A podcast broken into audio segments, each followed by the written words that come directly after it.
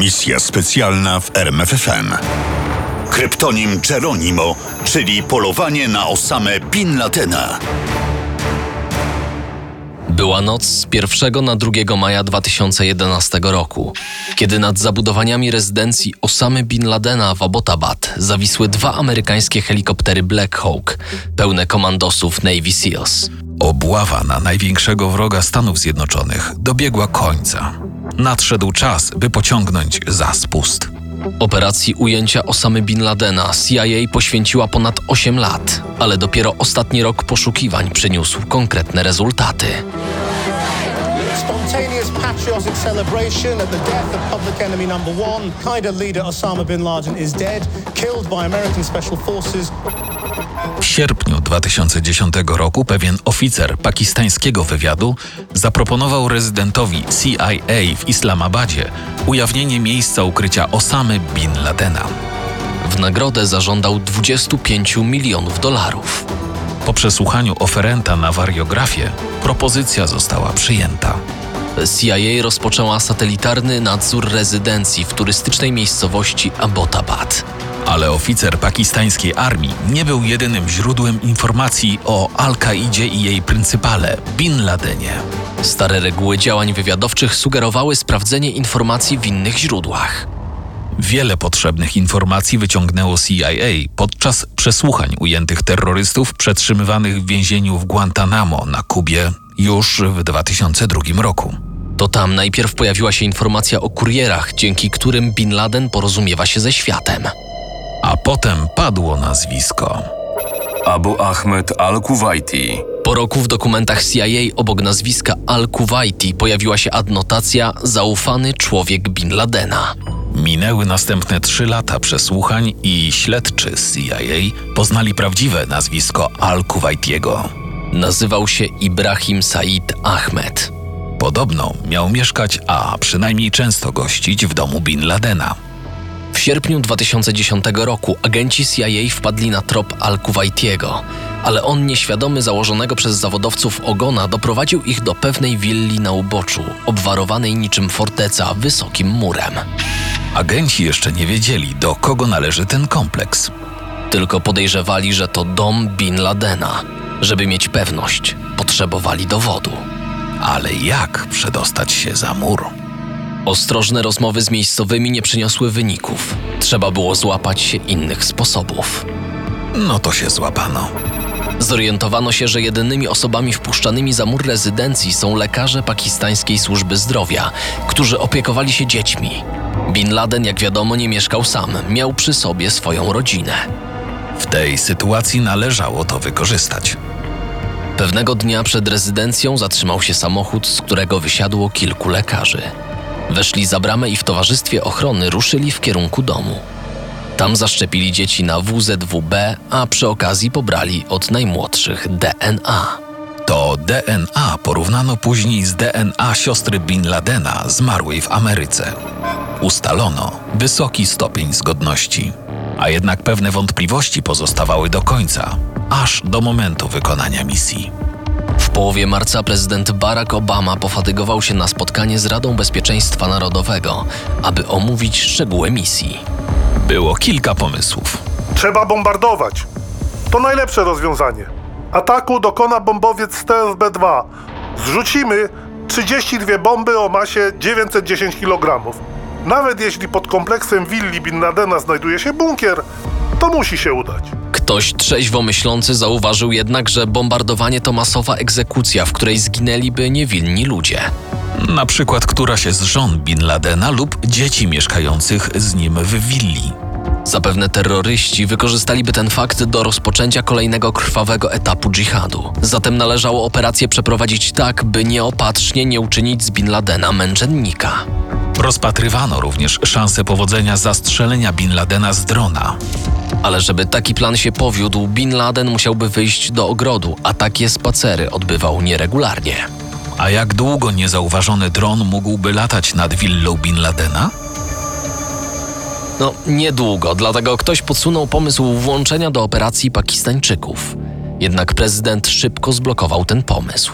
Ani rządowi, ani armii pakistańskiej nie możemy ufać. Kiedy już było po akcji, pewien urzędnik Białego Domu tłumaczył.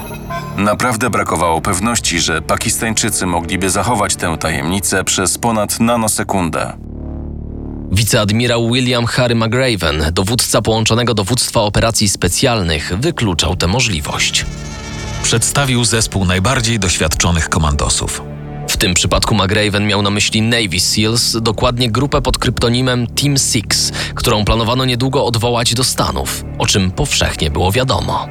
Nikt więc nie powinien zwrócić uwagi na zniknięcie komandosów z Afganistanu. Rozkaz wyruszenia do akcji mógł nadejść w każdej chwili. Komandosom dni i tygodnie mijały na oczekiwaniu i ćwiczeniach operacji na zbudowanej w bazie Bagram makiecie. 29 kwietnia, po spotkaniu z doradcami w owalnym gabinecie, Barack Obama kazał rozpocząć obławę na Geronimo.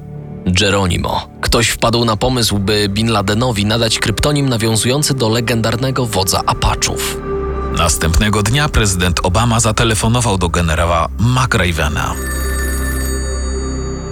Wszystko w Twoich rękach, przyjacielu.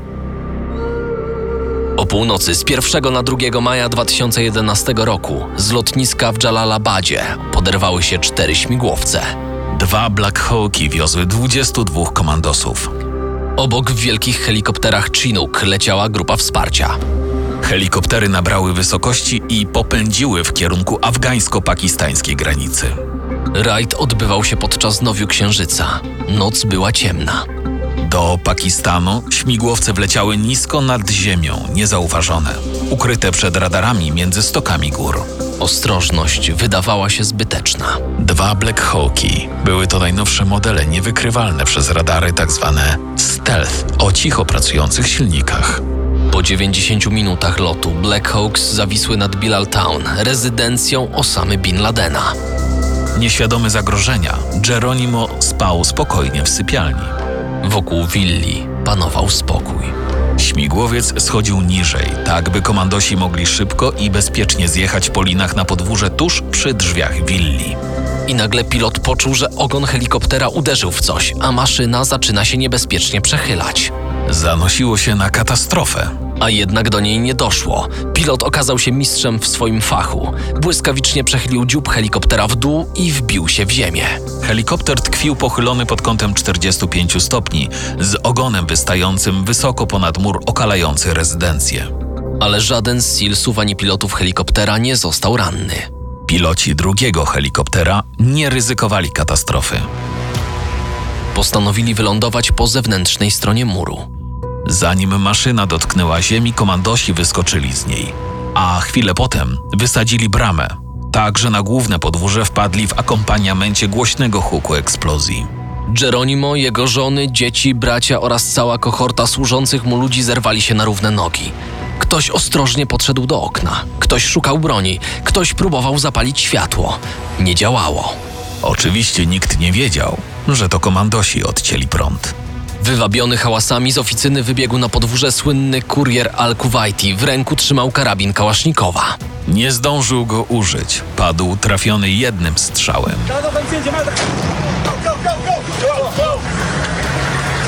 Żona, która wybiegła za nim, dostała postrzał w ramię. W tym czasie drużyna SEAL z sferalnego helikoptera, który nadal tkwił zaryty dziobem w podworzec, wspinała się po schodach na piętro. W ciemności przez gogle noktowizyjne rozpoznawali kontury przedmiotów. I ludzi. Jasnozieloną sylwetkę człowieka na korytarzu pierwszego piętra zniekształcał charakterystyczny kontur karabinu Kałasznikowa. Nie było czasu na zastanawianie się, kto to i czy zamierza strzelać. Cała operacja osaczenia Bin Ladena według planistów miała być egzekucją i tak ją traktowali komandosi SEALs. Dlatego w ciemnym korytarzu rozległ się tylko jeden cichy strzał i tylko jedna postać zwaliła się ciężko na podłogę. A komandosi przekroczyli go ostrożnie i ruszyli dalej po schodach na kolejne piętra, tam gdzie według ich wiedzy powinna być sypialnia Geronimo. I znów w noktowizorach zamajaczyła sylwetka człowieka z karabinem. I znów tylko jeden cichy strzał zwalił go na podłogę. A egzekutorzy szli dalej, krok za krokiem, ostrożnie, a jednocześnie sprawnie. I w tej sprawności leżała tajemnica błyskawicznego tempa operacji. Od momentu przekroczenia przez komandosów progu domu do chwili, w której stanęli przed sypialnią, minęło zaledwie kilkanaście sekund. W tak krótkim czasie Geronimo zdążył zaledwie zerwać się z pościeli, złapał wystraszoną żonę i przyciągnął ją do siebie. czyniąc z niej żywą tarczę. Tak ich zastali komandosi Navy Seals. 38-letni komandos Robert O'Neill zrobił jeszcze krok i zatrzymał się z karabinem wycelowanym w dwie postacie. Drzwi prowadziły do sypialni. A w sypialni, w odległości kilku metrów ode mnie, stał Osama Bin Laden. Trzymał ręce na ramionach swojej żony. Nie poddawał się. Lekko się ruszał. Wykonałem dwa strzały w jego głowę, a kiedy upadł na podłogę, oddałem jeszcze jeden ostatni strzał i go zabiłem. Tak w wywiadzie dla CNN relacjonował O'Neill. Ale nie tylko O'Neill przyznał się do zabójstwa Osamy Bin Ladena. Zrobił to również jego kolega z Team Six, Matt Bisonette. Kto mówi prawdę? Od obu tych relacji odciął się generał McRaven i Navy Seals. Wiadomo przecież, że Navy SEALs nigdy nie podają szczegółów operacji. To ich święta zasada. Akta operacji Neptune Spear nadal pozostają tajne, a mimo to grupa ekspertów twierdzi, że O'Neill nie mógł zastrzelić Bin Ladena. Kto więc strzelał? To pozostanie tajemnicą. Po egzekucji dowódca zespołu Team Six nadał do bazy. Za Boga i ojczyznę! Geronimo! Geronimo! Geronimo! Potwierdź! Geronimo i KIA! Wróg zabity w akcji! Dzięki różnicy czasu między Pakistanem i Waszyngtonem jeszcze tego samego dnia prezydent Barack Obama zwrócił się do narodu. Good evening. Dobry wieczór. Dziś wieczorem mogę poinformować naród amerykański i świat, że Stany Zjednoczone przeprowadziły operację zabicia Osamy Bin Ladena, przywódcy Al-Kaidy, terrorysty odpowiedzialnego za wymordowanie tysięcy niewinnych mężczyzn, kobiet i dzieci. Navy SEALs zabrało ciało Bin Ladena ze sobą. Przetransportowano je na lotniskowiec Carl Winson. Odprawiono ceremoniał pogrzebowy i pochowano w Morzu Arabskim zgodnie z muzułmańską tradycją. Al-Kaida potwierdziła śmierć Osamy Bin Ladena 6 maja i obiecała pomścić to morderstwo. Do antyamerykańskich gruźb dołączyły się pakistańskie grupy bojowników. One jednak zapowiedziały odwet nie tylko Stanom Zjednoczonym, ale i Pakistanowi. Głównie za to, że rząd w Islamabadzie nie zapobiegł operacji Neptune Spear. Misja specjalna w RMFFM. Na tropie największych tajemnic historii.